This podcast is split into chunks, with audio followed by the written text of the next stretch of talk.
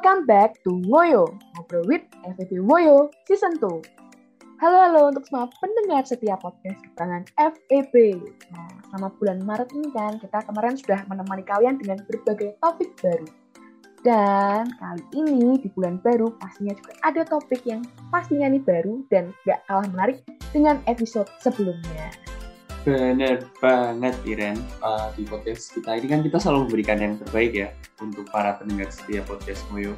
Nah Betul banget. karena kita udah mulai PTM nih, aku mau tanya kabarmu nih Ren, kamu gimana nih PTM pertama kamu di Unika sejauh ini? Wah, Ini banyak jujur, pengalaman kan? Betul banget sih. Apalagi sebagai mahasiswa baru ya kan, merasakan PTM pertama kalinya di kampus tercinta tuh wah asik banget sih Kak Faldo. Udah tata cara PTM-nya kan jelas, aman, dan itu bisa bertemu secara langsung nih dengan teman-teman dan para dosen. Kalau menurutku sih PTM di Unika jos dan joyful banget deh. Eh, jelas dong, soalnya kan pelaksanaannya kemarin bisa dibilang berjalan lancar banget ya dan Oh kita iya dong. juga udah pernah bahas di podcast episode 13 kemarin itu Wih, dan ini- kalau menurut aku tuh kayak Hmm.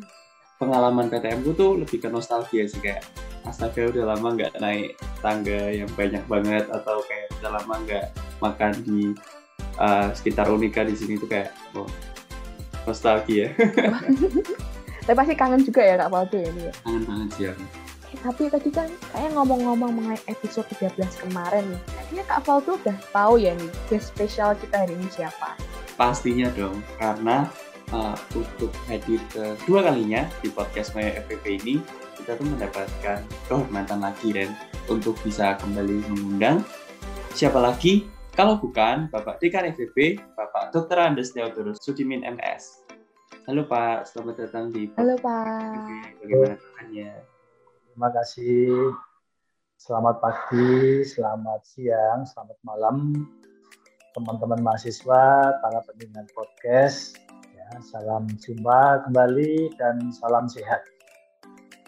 Begitu Rivaldo. Nah, ini mungkin Gini, ya, ikut senang juga ya Pak mendengar tadi Bapak kabarnya sehat-sehat. Dan ini buat para sobat-sobat ngoyo di rumah ini kan mungkin ada beberapa nih yang belum kenal betul dengan Pak Theo. Mungkin selain melihat Pak Theo biasa kan ada di sambutan, kelas online dan juga ada beberapa mahasiswa yang sudah mengikuti kelas offline bersama Pak Theo. Kalian bisa nih dengerin episode kali ini tahu lebih banyak tentang Bapak Dekan FEB. Nah, mungkin langsung terjun aja kali ya Iya, betul Uh, banget. Pertanyaan pertama untuk Bapak Theo. Pertanyaan pertama nih Pak, Uh, bagaimana nih Pak perasaannya bisa menjadi dekan FPB di periode ini dan berada di periode yang baru? Apakah Pak Theo memiliki inovasi atau terobosan yang ingin Bapak buat untuk FPB ke depannya? oke. Gitu ya, pertanyaannya adalah terobosan untuk FVP ke depan ya. Iya, betul. Terobosan dan inovasi tentu saja. Oke. Terima kasih teman-teman mahasiswa, para pendengar podcast, bahwa mungkin sudah pada tahu bahwa periode yang lalu itu saya juga dekan dan kali ini eh, menjadi dekan lagi.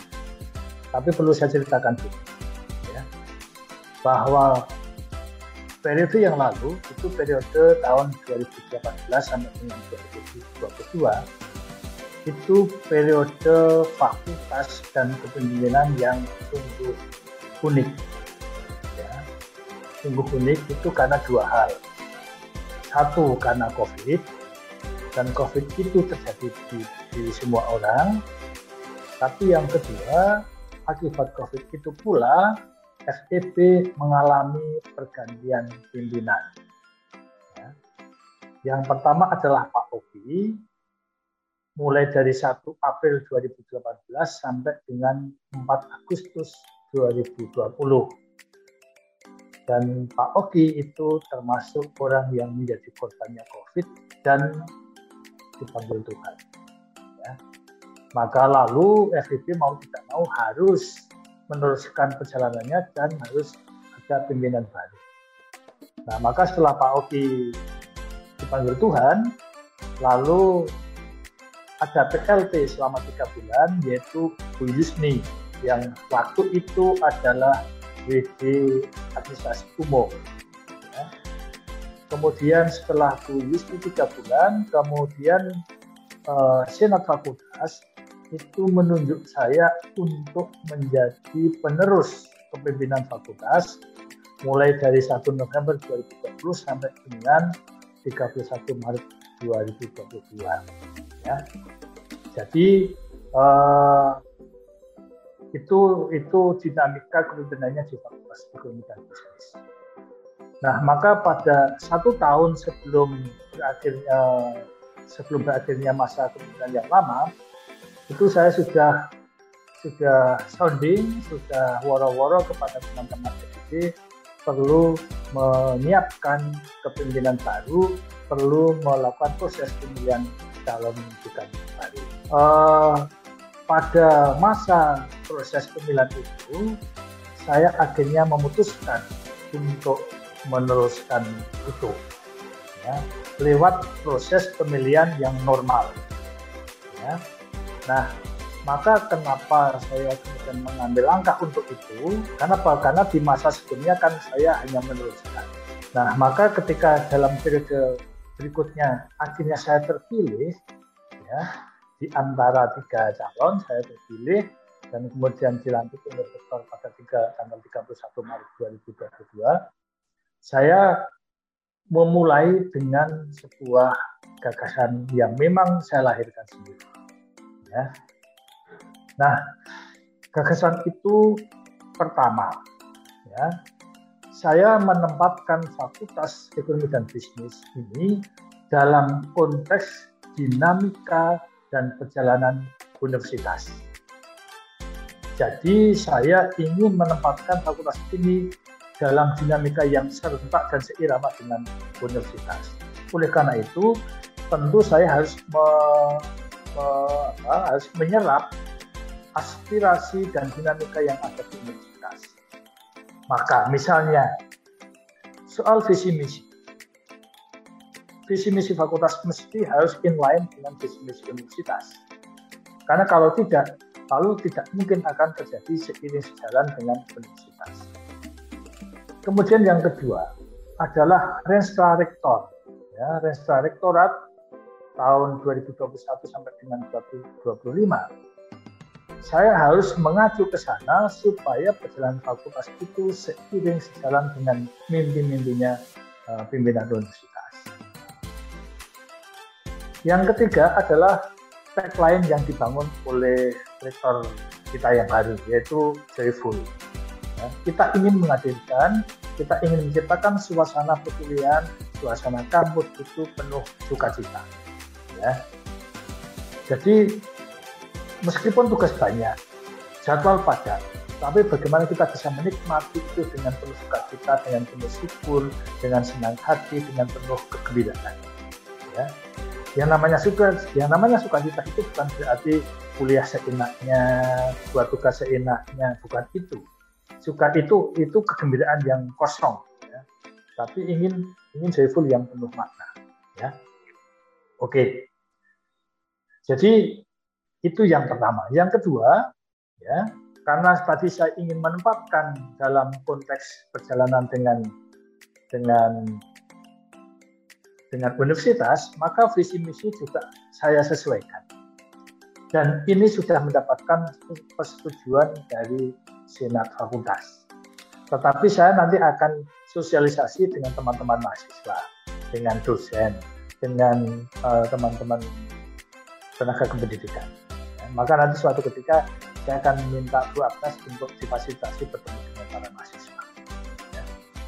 Nah, kemudian poin yang ketiga adalah kita ingin menghidupi eh, value-value uh, yang memang harus menjadi fondasi. Ya. Value itu adalah fondasi sebuah organisasi. Organisasi tanpa value itu artinya bahwa tidak punya arah yang pasti karena value itulah yang menggerakkan. Maka di FEB ini punya tiga value, ya, yaitu komitmen, cohesiveness, dan kompetensi. Ya.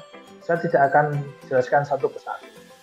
Tetapi komitmen, cohesiveness, kompetensi itu harus kita hidupi baik oleh dosen, oleh mahasiswa.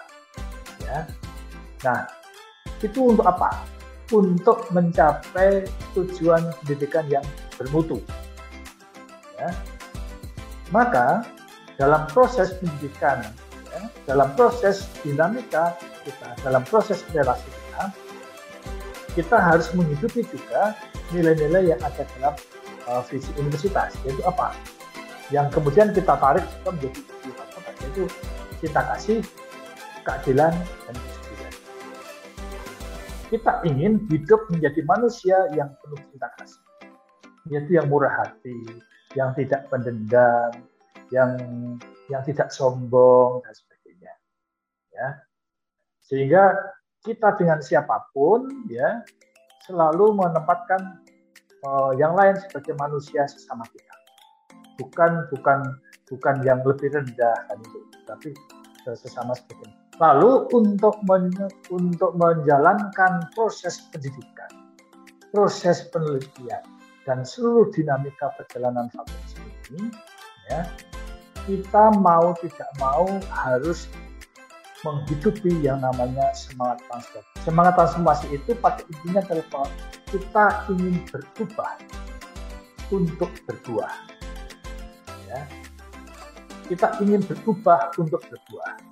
Berubah artinya bahwa kita harus keluar dari zona nyaman, kita harus keluar dari kenikmatan-kenikmatan yang selama ini seperti yang sudah dinikmati, tetapi kita ingin berbuat sesuatu demi mencapai uh, buah tertentu.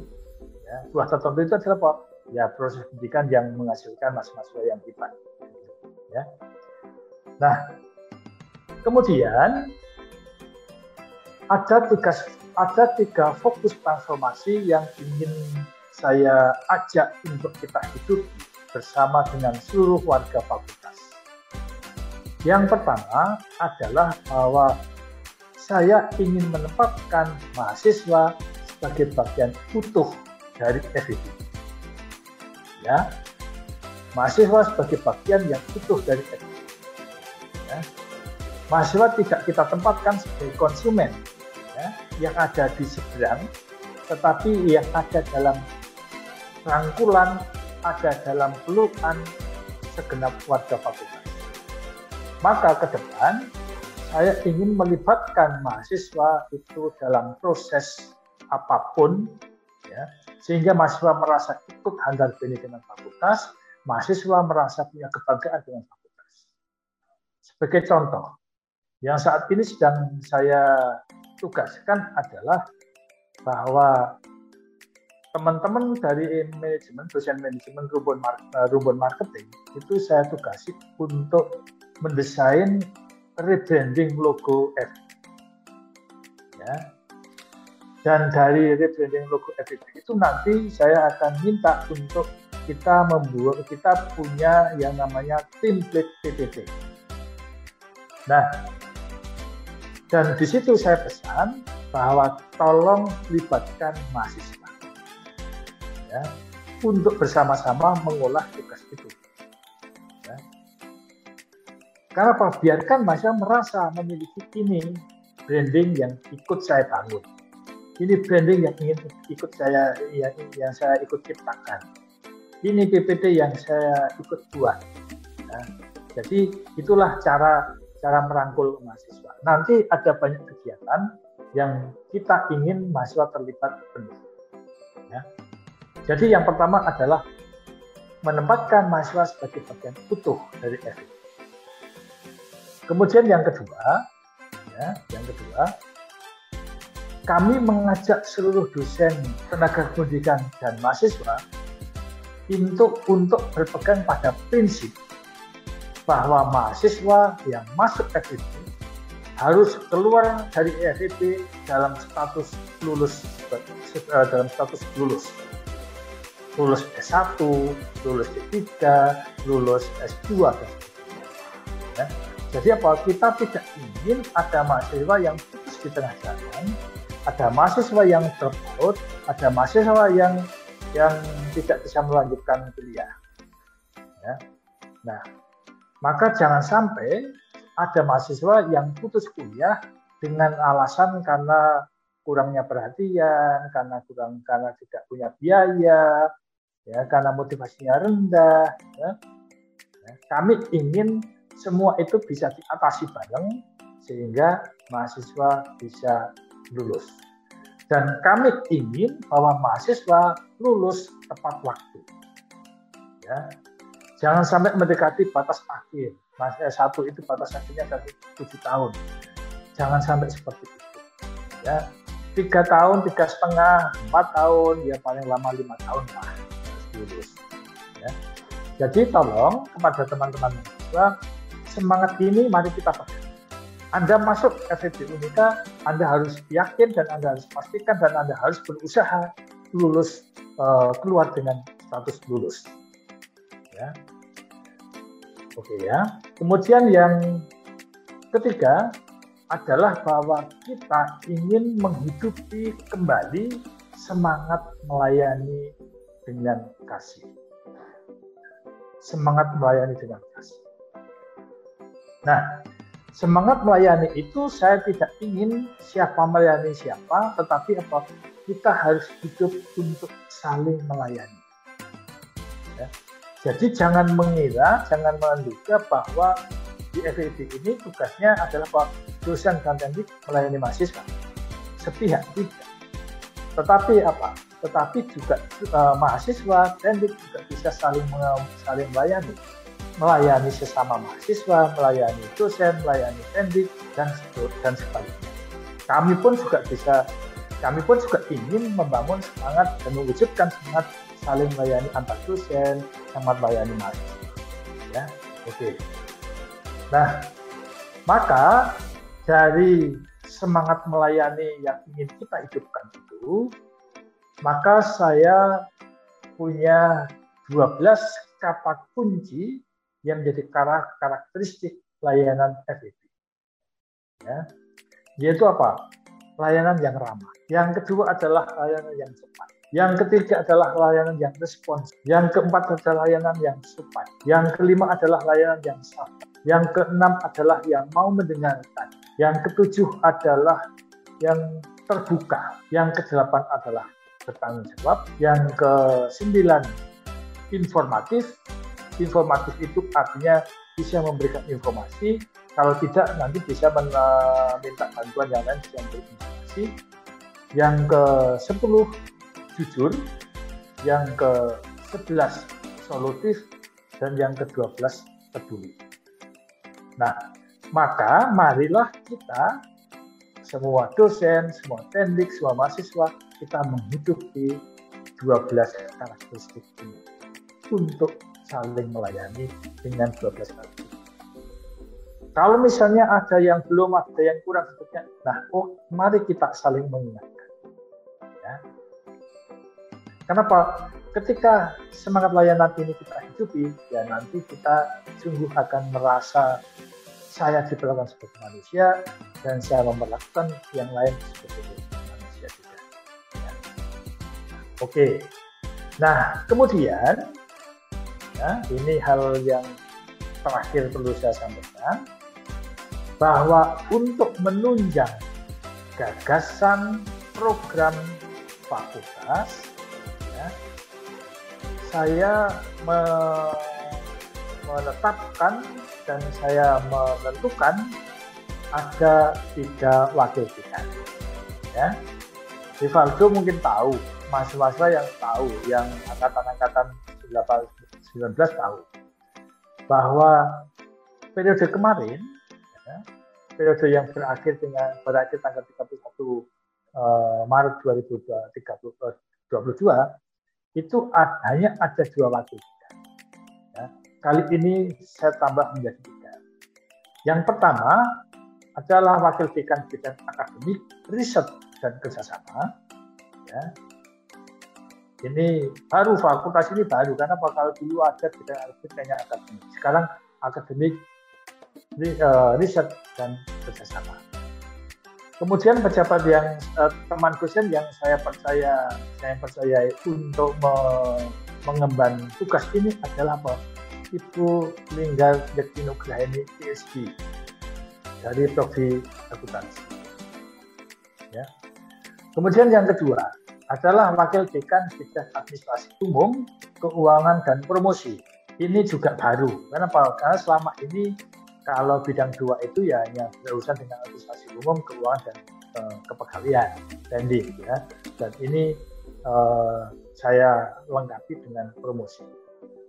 Saya percayakan kepada Ibu Dr. Anastasia Kusmaria Setiasili Situhan ya, dari manajemen.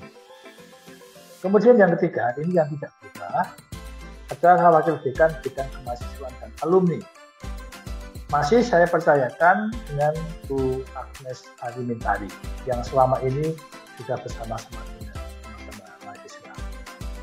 Nah, saya saya ada uh, saya ada uh, breakdown dalam bentuk program-program yang yang saat ini memang masih masih di, di, dimatangkan, tetapi secara umum saya tidak ada. Tetapi hal-hal yang prinsip pasti sudah ada Begitu, Iren dan Faldo. Wah ini luar biasa sekali ya Pak gagasan dan visi-misi lengkap Bapak sekali ya. Pak. Betul nih gagasannya ada yang tadi mau menempatkan fakultas dalam dinamika yang serentak dengan universitas ya Pak. Bagaimana suasana kampus penuh sukacita, mendapatkan joyful tapi yang penuh dengan makna. Bisa pendidikan yang bermutu, mahasiswanya bisa lulus tepat waktu, dan ada juga nih tadi yang paling menarik ya semangat untuk saling melayani. Ada 12 tadi kata kuncinya ya apa tuh ya. Ada pelayanan yang ramah, cepat, responsif, ada keren-keren sih ini dari Iya banyak banget. Mm, dari jawab, informatif dan solutif juga. Mantap sih.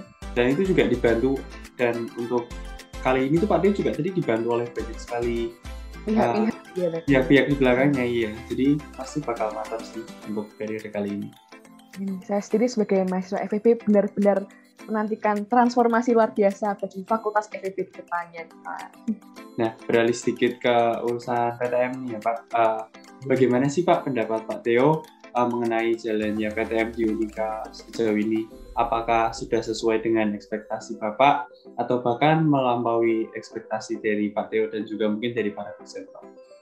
Ya, oke. Terima kasih, Pak Aldo seperti yang Anda ketahui, kita ketahui bersama bahwa fakultas kita itu memulai PTM adalah minggu ketiga perkuliahan.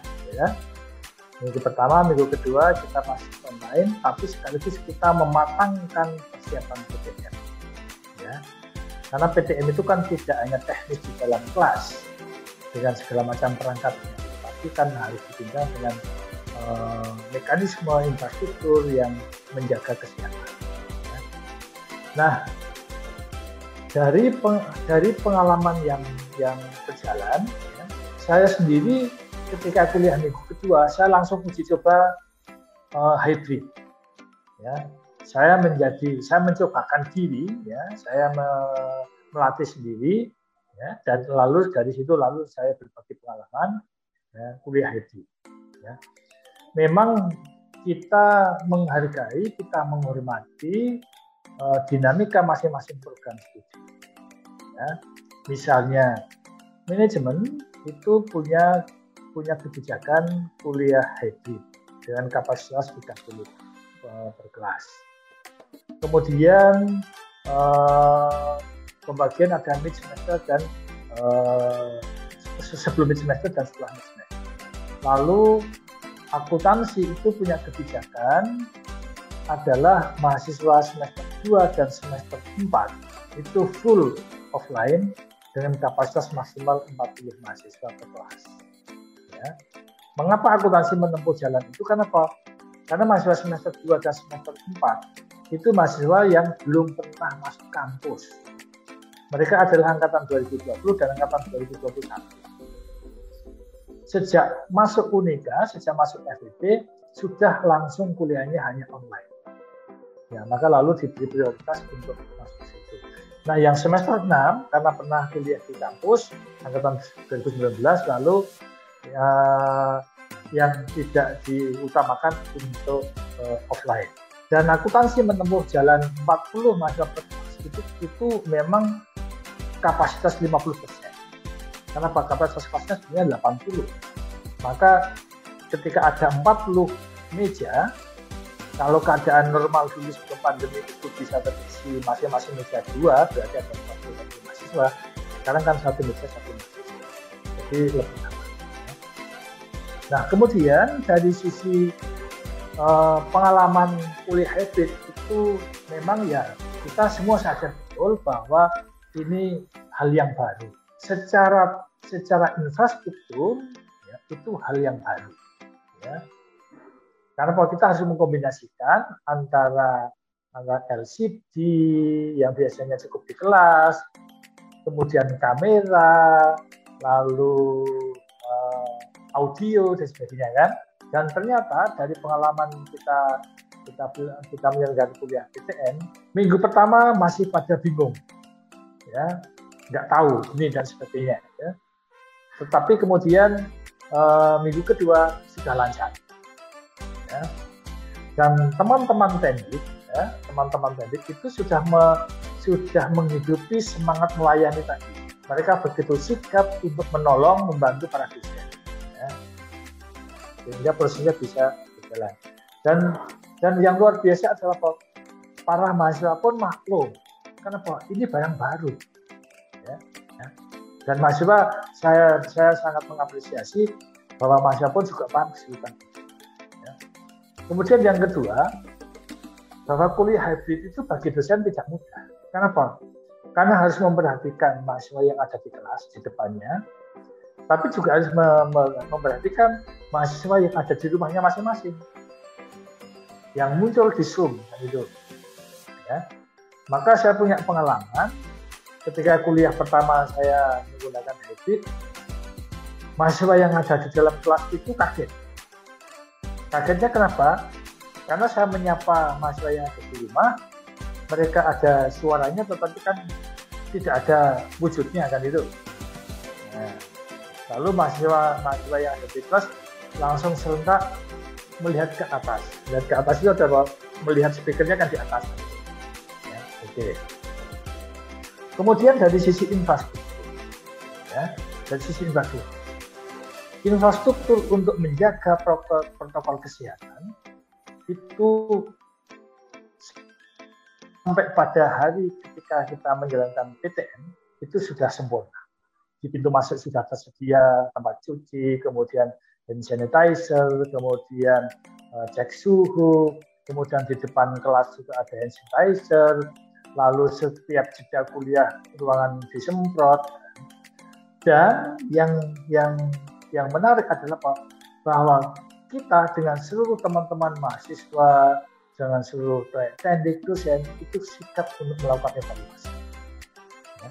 Maka kalau kalau kalian masuk uh, masuk kampus yang di pintu dekat ATM itu ada ada mahasiswa yang berbaju atau berkaos merah, itulah anggota Satgas PTN dari HMDS.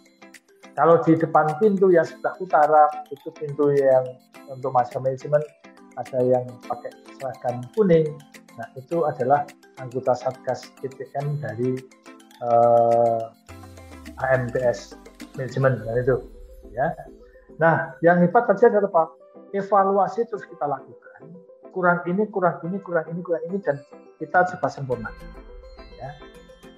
Dan dengan upaya itu dengan upaya itu, puji Tuhan bahwa semua mahasiswa yang ada di dalam kampus, dosen dan tendik dalam keadaan sehat. Ya. Bahwa kita tidak tidak mendapatkan laporan, tidak ada data bahwa ada mahasiswa yang terpapar positif uh, delta uh, COVID atau Omicron dari kampus tidak. Ya. Karena karena kita memang sangat serius untuk mengingatkan kepada para mahasiswa yang merasa tidak cukup sehat, silahkan kuliahnya online. Oleh karena itu, kuliah hybrid terus-menerus tetap harus dijalankan. Karena Karena harus melayani mahasiswa yang masuk kelas dan sekaligus melayani mahasiswa yang dari rumahnya masing-masing. Jadi antisipasi-antisipasi yang kita uh, lakukan dari awal sungguh bisa menghasilkan kondisi PTN yang boleh boleh dikatakan kalau tadi ditanya apakah sesuai dengan ekspektasi, sangat sesuai dengan ekspektasi. Dan bahkan melampaui ekspektasi. Karena apa? Kita dalam keadaan siap goal. Karena apa? Intinya adalah apa?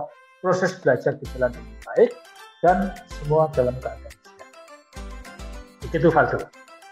Dan ini Wah, begitu luar biasa ya Pak PTM kita ini jadi Pak berjalan dengan lancar dan kemudian Faldo bisa memberikan kesaksian. Wah, betul Pak. Wah. ya. Benar kan seperti ini tadi yang sudah saya sebut di awal. Ya benar-benar enjoy lah PTM juga. Kalau misalnya saat di kelas pun pelajarannya kan hybrid ada offline ke online. Kalau misalnya saya sendiri sih sebenarnya prefer yang offline ya Pak. Jadi kan bisa lebih jelas di lebih jelas dalam pembelajarannya juga. Kalau dari aku okay. sih uh, mungkin lucu ya karena uh, hmm. aku kan ada beberapa emang mata kuliah yang diharuskan untuk online dulu. Hmm. Jadi aku di jam 8 itu kuliah, kuliah dengan dosen, aku apa udah hybrid.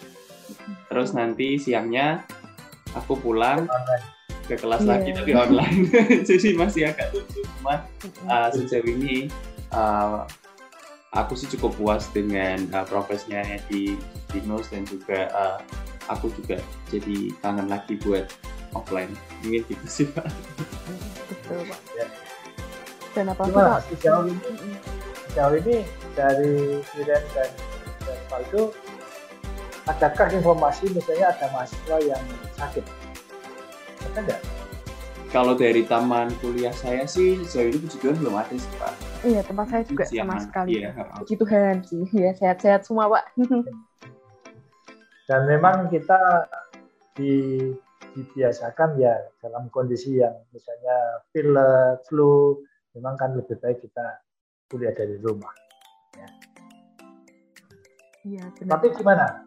Uh, ada ada tadi saya mengatakan bahwa saya sebagai dosen itu kuliah hybrid itu tidak mudah. Kenapa? Harus memperhatikan mahasiswa yang di depannya, ya, jadi yang ada di kelas, tapi juga harus memperhatikan mahasiswa yang ada di di rumah sehingga harus sekali menyapa yang di dalam kelas dan menyapa yang ada di rumah. Gimana kalau mahasiswa melihat seperti itu gimana?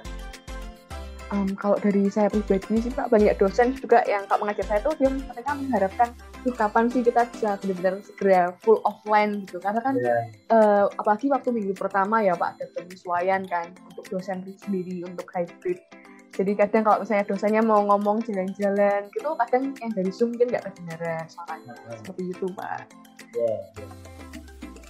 okay. kalau dari kak Faldo mungkin mungkin lucu aja sih karena beberapa kan harus ada hybrid ya pak ada hmm. beberapa yang online ada yang offline dan di mata kuliah saya itu waktu itu ada saya offline dan teman saya yang presentasi itu online. Jadi agak lucu aja dengerinnya. So, tapi mereka nggak ada di situ. Ya, ya, nah tapi mungkin ada nggak sih ini harapan dari Pak Theo mungkin untuk beberapa bulan depan uh, bagaimana PTM-nya mungkin ada pikiran untuk penambahan kapasitas mungkin Pak? Ya kita memang masih akan melihat setelah lebaran ya karena pengalaman pengalaman kita, pengalaman Indonesia masyarakat kita. Setelah Lebaran jadi ledakan. Iya betul Pak. Setelah libur Natal tahun baru terjadi ledakan kan itu ya? Mm, betul betul Pak. Meskipun ini Omicron itu dianggap lebih ringan, ya, lebih ringan, tapi kan tetap penularannya masih sangat tinggi. Lebih kan lebih gampang menularnya. Ya. Meskipun meskipun ya gejalanya dan, dan gejalanya gejalanya cukup berat. Meskipun katakanlah tingkat kesembuhannya sangat tinggi tetapi kan bagaimana kita tetap harus menjaga kesehatan ya. Maka sekali lagi kita akan melihat dulu uh, melihat dulu setelah lebaran ya. Dan nanti ujian tengah semester masih ada kombinasi uh, umumnya masih online ya meskipun ada online tetapi di kelas. Jadi nanti ada ujian yang online tapi di kelas. Jadi di kelas mas, mas, semua mahasiswa membuka laptopnya masing-masing untuk mengerjakan ini. Ya. Karena memang uh, ya kita mengakomodir mengakomodir variasi. maka nanti bisa jadi ada yang tertulis, ada yang tertulis di kelas, ada yang online di kelas, tapi juga ada yang online di rumah.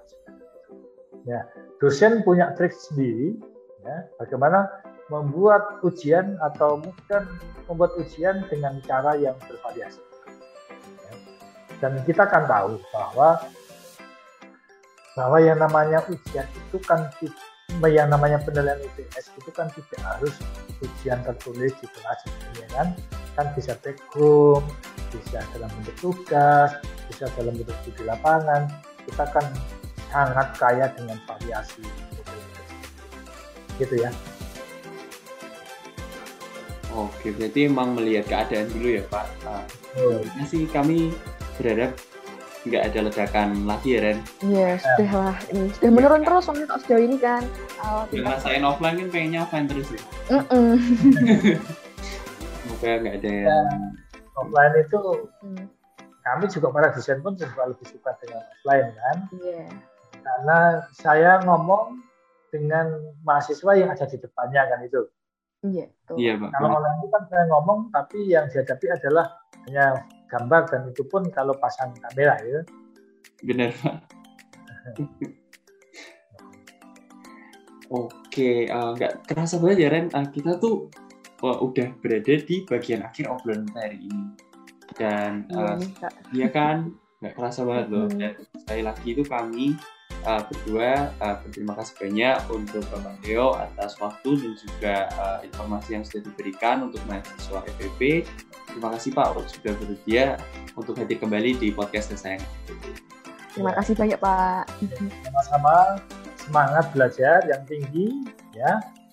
Raihlah cita-cita yang hebat dan jadilah pribadi-pribadi yang unggul. Pribadi-pribadi yang hebat itulah yang kita impikan ya. Siapa? Siapa? Nah, mungkin sebelumnya nih Pak, untuk terakhir ada nggak nih Pak, mungkin kesan-kesan untuk podcast kami, atau mungkin buat para sobat-sobat Woyo di rumah yang lagi mendengarkan podcast ini? Nah, saya itu punya impian bagaimana kalau podcastnya itu tidak hanya audio, tapi video kan itu. Ya. Oke, baik Pak.